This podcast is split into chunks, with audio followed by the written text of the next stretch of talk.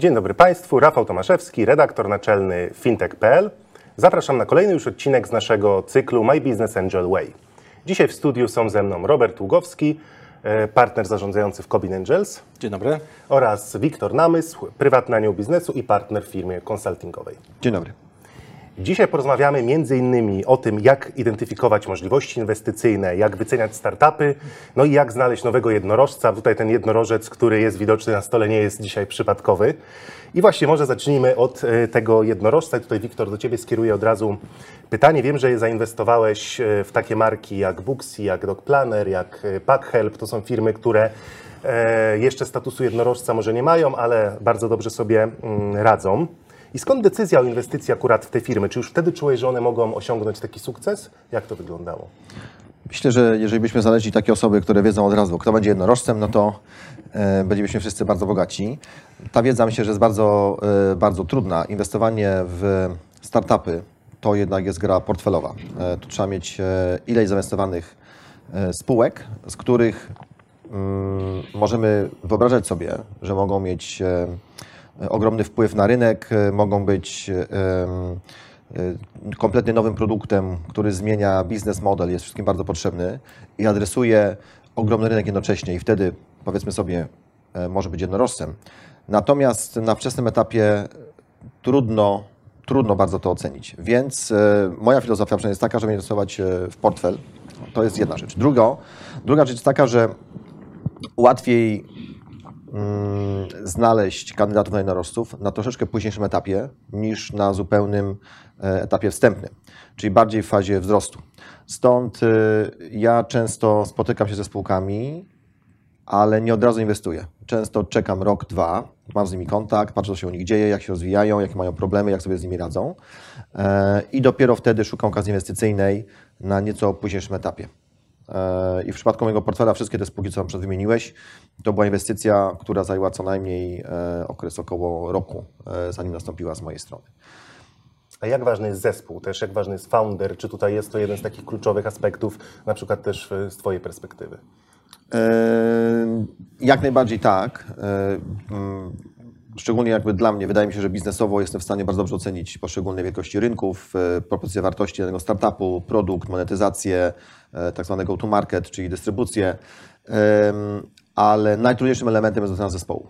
Ocena tego, co się stanie w trudnych momentach z tym zespołem, czy oni się dogadają, czy będą w stanie przejść te poszczególne bariery, które są do opanowania, czy na przykład poradzą sobie z rosnącą kompleksowością, ilością zadań naraz e, i będą w stanie przepychać je jakby w szybkim tempie, to niestety sprawdza się dopiero w boju. Stąd często y, są fundusze i aniołowie, ja na przykład też wyznaję taką filozofię, warto inwestować w tak zwanych e, przedsiębiorców seryjnych, którzy coś już wcześniej zrobili, mieli jakiś mały sukces, e, być może coś sprzedali, ale próbowali wcześniej i wiedzą, z czym się będą zmagać e, z jednej strony. Z drugiej strony e, to są osoby, które przynoszą do biznesu już sieć kontaktów i osób, z którymi pracowały i sprawdziły się razem w boju.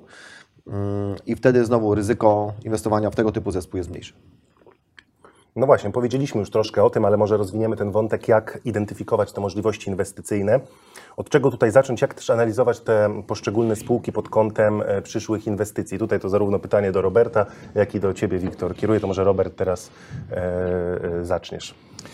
Ja może trochę dodam do tego, co powiedział Wiktor, bo oczywiście ważna jest wiedza i doświadczenie.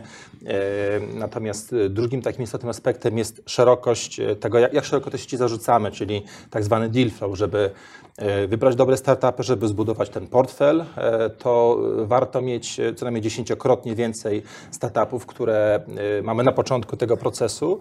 A tutaj istotny jest zarówno nasz tak zwany network e, i, atrakcyjn, i nasza atrakcyjn- atrakcyjność jako, jako anioła biznesu, czyli e, na pewno taki, tacy uznani aniołowie, którzy również angażu- angażują się w różne inicjatywy rynkowe, jak, jak Wiktor, mają tych propozycji dużo, natomiast dla osób początkujących ważne jest określenie sobie e, tego, jaki ten portfel chcemy mieć i w jaki sposób będziemy pozyskiwali te startupy. Tak, ja się kiedyś dziwiłem, że są fundusze, które na przykład y, y, prawie nie mają strony internetowej, tylko jakieś krótkie hasło, co tam się dzieje u nich e, i preferują tylko i wyłącznie oglądanie startupów z polecenia. Ale to jest jakiś sposób na filtrowanie e, pomysłów z rynku, bo jednak jeżeli ktoś e, coś poleca, czyli z mojego najbliższego networku ktoś chce mi przedstawić jakiś pomysł, to jakby troszkę go już firmuje. Czyli generalnie, jeżeli pomysł jest zupełnie słaby i, i zespół nieciekawy, e, to raczej nie będzie tego robił. E, Więc e, jak, tak jak powiedział Robert wcześniej, mówię dość szeroko o tym, że inwestuję. W związku z tym ludzie o tym wiedzą.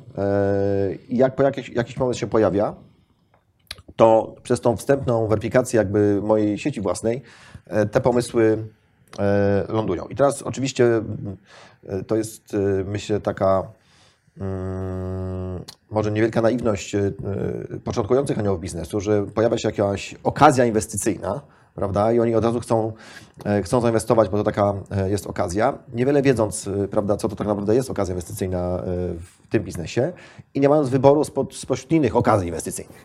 Więc warto mieć ich więcej, to jest po pierwsze. Po drugie, warto rozmawiać z innymi aniołami, funduszami, uczestnikami tego ekosystemu, bo to nie jest e, tutaj konkurencja, że albo ja, albo on.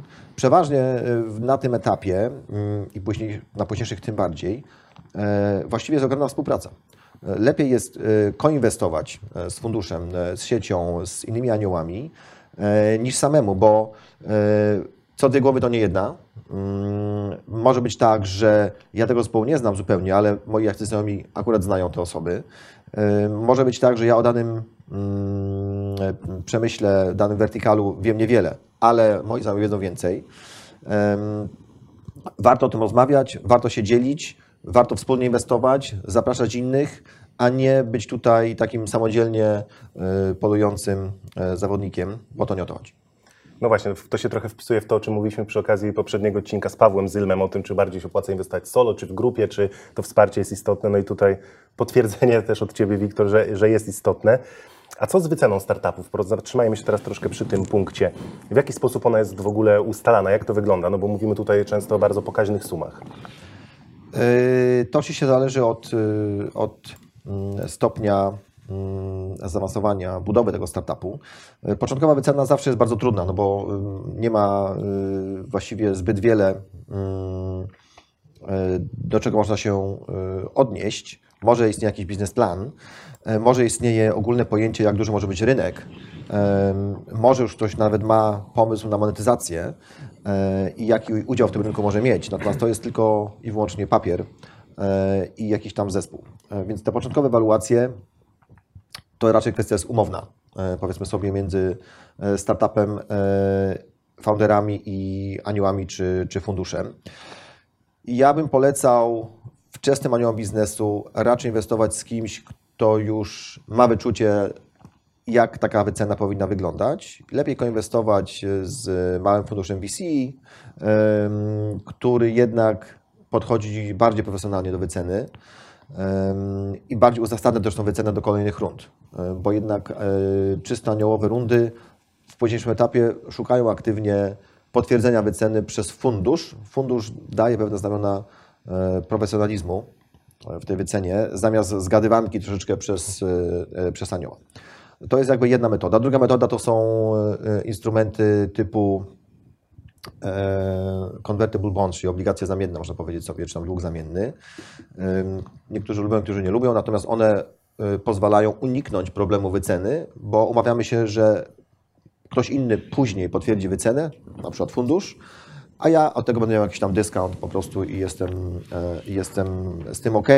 Nie ma, nie ma dyskusji o wycenie, bo e, mówimy sobie tylko o dyskauncie do wyceny, która będzie, która zadowala powiedzmy sobie aniołów na wczesnym etapie, a, e, a o ewaluacji pogadamy później, kiedy już powstanie ten produkt, będzie jakaś sprzedaż i będzie można coś więcej o startupie powiedzieć. Być może warto wspomnieć jeszcze o pewnych błędach, które się po- pojawiają, szczególnie na takich rynkach, które jeszcze nie są dojrzałe, nie ma tych praktyk e, wykształconych i jeśli w tej pierwszej fazie e, inwestorzy obejmą zbyt dużą ilość udziałów, no to może dojść do takiej sytuacji, która się w branży nazywa broken cap cap table, że kolejni inwestorzy uważają, że startup jest nieatrakcyjny, ponieważ e, nie ma tam już przestrzeni na kolejne rundy inwestycyjne, a w konsekwencji tych rund funderzy mogli nie być, by, mogli nie być by odpowiednio zmotywowani do tego, żeby e, dalej walczyć o sukces, więc e, to może spowodować e, no, po prostu problem zarówno dla założycieli startupu, jak i dla inwestorów z pozyskaniem kolejnych rund inwestowania. Warto na to zwracać uwagę. Tak, myślę, to jest, to, to jest jedna pewnie rzecz. Druga rzecz jest taka, że niekoniecznie warto dawać za dużo pieniędzy startupowi, czy na przykład na 3 lata do przodu. Ponieważ 3 lata w życiu startupu to jest y, prawie wieczność. Startup lepiej się rozwija, mając ograniczone jednak zasoby finansowe, pod które planuje bezpośrednio. I raczej ograniczeniem wtedy są zasoby ludzkie, czyli zdąży zatrudnić tyle osób, zdąży tyle osób wdrożyć biznes e, i się rozwinąć. Lepiej określić sobie pewne cele, które startup ma wykonać i dopłacać pieniądze według tych osiąganych e, wyników z czasem, niż jakby dawać czasami za duży komfort e, finansowy, co są takie tendencje, że ktoś chce po prostu mieć duże bardzo udziały i, i, i wtedy daje więcej pieniędzy niż jest potrzebne i niekoniecznie de facto nie jest to, to zdrowa sytuacja. No tak, myślę, że to właśnie istotne, istotne rady z punktu widzenia tego, jak nie przepłacić, tak? Jako, jako, anioł, jako anioł biznesu, to o czym, o czym powiedzieliście e, przed chwilą. Tak, natomiast tutaj y, można też y, zobaczyć, co się, co się obecnie na rynku dzieje. No, obecnie na rynku generalnie jest jakby e, więcej pieniędzy niż, e, niż dobrych pomysłów, jak to się mówi, i dobry pomysł zawsze swoje pieniądze znajdzie. Więc wyceny startupów na wczesnym etapie troszkę poszły w górę. E, Albo nawet mocno poszły w górę. E, I z jednej strony są fundusze, które mówią, hmm, to jeżeli to rzeczywiście ma być jednorożec, to czy ja dzisiaj tutaj włożę milion czy dwa, bo mam wyjąć tak czy owak 100, to może nie jest aż takie, y, nie, nie ma aż takiego znaczenia ta wycena początkowa. Coś w tym jest oczywiście, z jednej strony. Z drugiej strony są y, założyciele startupów, którzy przychodzą z kosmicznymi kompletnie wycenami, oderwanymi od jakiejkolwiek rzeczywistości. Znowu, bo oni mają wyobrażenie, że będzie unicorn i trzeba w takim razie tutaj... Którzy oni y, sami mówią, że taka wycena będzie, tak? wielkie pieniądze płacić e, i niestety wtedy przepalają e, dużo swojego czasu e, na przekonywaniu inwestorów, którzy dziwnym trafem nie chcą się przekonać, e, zamiast budowaniu biznesu. E, Więc ja bym raczej zachęcał do y, początkowo umiarkowanych wycen na niewielkich pieniądzach i potem potwierdzaniu ich, jak już coś się po prostu dzieje, nawet po pół roku, nawet po roku, w szybkim czasie e, i dostarczaniem konkretnych wyników jako startup, niż dyskutowaniem bardzo długo na papierze, co to, co to, co to ma być, jaka to będzie wspaniała inwestycja. Chcesz, Robert, może coś jeszcze dodać tutaj do tego, co powiedział, co powiedział Wiktor, jak, jak nie przepłacać Mm, jako anioł jeśli, biznesu? jeśli chodzi o oceny, e, ja uważam, że ten rok przyniesie pewną korektę, ponieważ e, poprzednie lata e, wiązały się z tym, że dość dużo funduszy z środkami państwowymi weszło na rynek i, no i tutaj jakby konkurencja spowodowała rzeczywiście większy apetyt i w związku z tym też wyższe wyceny. Natomiast obecnie już część tych funduszy kończyły się okresy inwestycyjne i to się będzie działo w 2022 i 2023 roku. E, Coraz więcej pojawia się pieniędzy prywatnych, które nie, nie mają takiej presji. E, One mogą, ale nie muszą być zainwestowane, więc to myślę, że skoryguje te wyceny.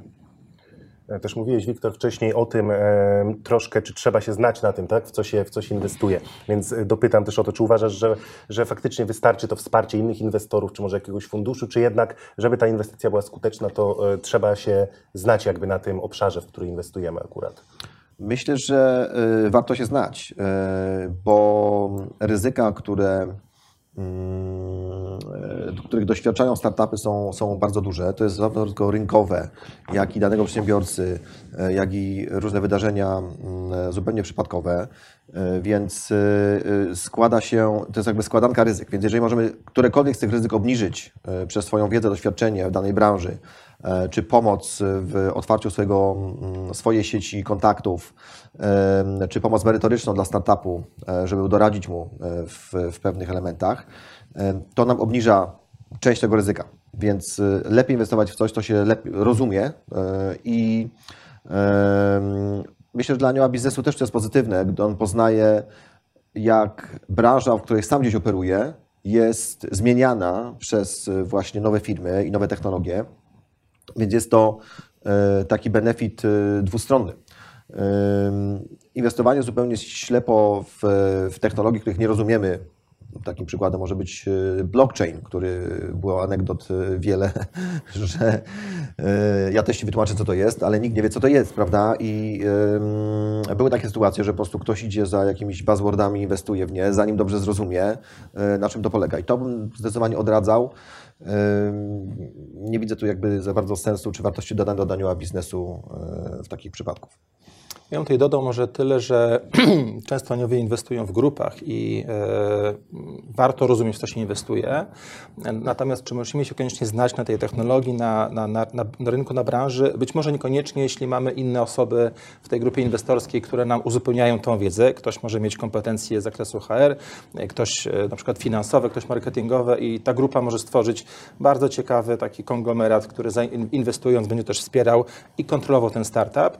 Natomiast y, z definicji startupy często robią rzeczy, których nie ma na rynku. Próbują jakąś nową wartość wykreować i tutaj trzeba sobie dać pewną, mm, pewien margines na to, y, żeby jednak y, brać to ryzyko. Jest to po prostu ryzykowna klasa aktywów. Na tym trochę to polega, żeby, y, żeby jednak iść w forpoczcie, jeśli chodzi o, o technologie, modele biznesowe i, i podejmować różne próby.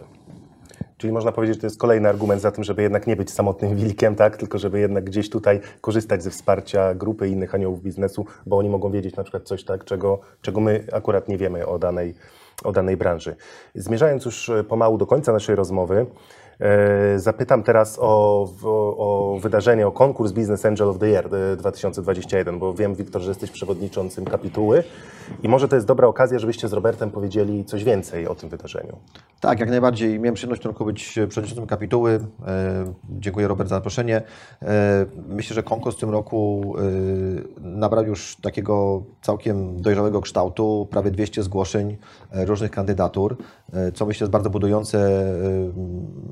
E, Ilość zgłoszeń z roku na rok wzrosła o ponad e, o prawie 100%, więc wydaje mi się, że to jest dobry sygnał. Widać, że zainteresowanie startupami jest duże. E, Widać, że pojawia się coraz więcej e, aniołów biznesu. Em, Może na początku nieśmiało, e, część z nich na przykład niekoniecznie chciała się tutaj mm, opowiadać, kim oni są, e, ale przez tego typu konkursy i wydarzenia, które pokazują ten rynek, pokazują, że można zaistnieć na nim. Spodziewamy się, że będzie tego e, coraz więcej. Wracając do tego, że nie warto być samotnym wilkiem i, i tylko po cichu inwestować, warto rozmawiać z innymi i to otwierać. Też ten konkurs jest takim właśnie miejscem, gdzie można e, swój e, network, swoją sieć kontaktów rozszerzyć, pokazać troszkę siebie, y, w co się inwestuje, poznać innych aniołów czy fundusze, bo de facto mówimy tutaj o całym ekosystemie w ramach tego konkursu e, i dzięki temu być bardziej efektywnym w dalszych inwestycjach.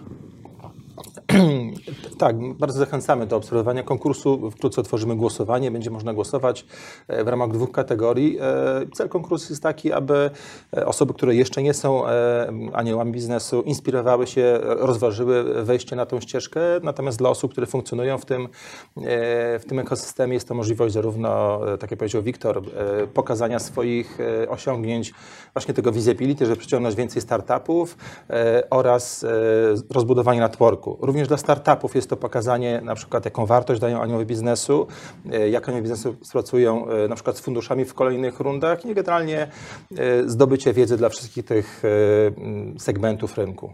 Także zapraszamy.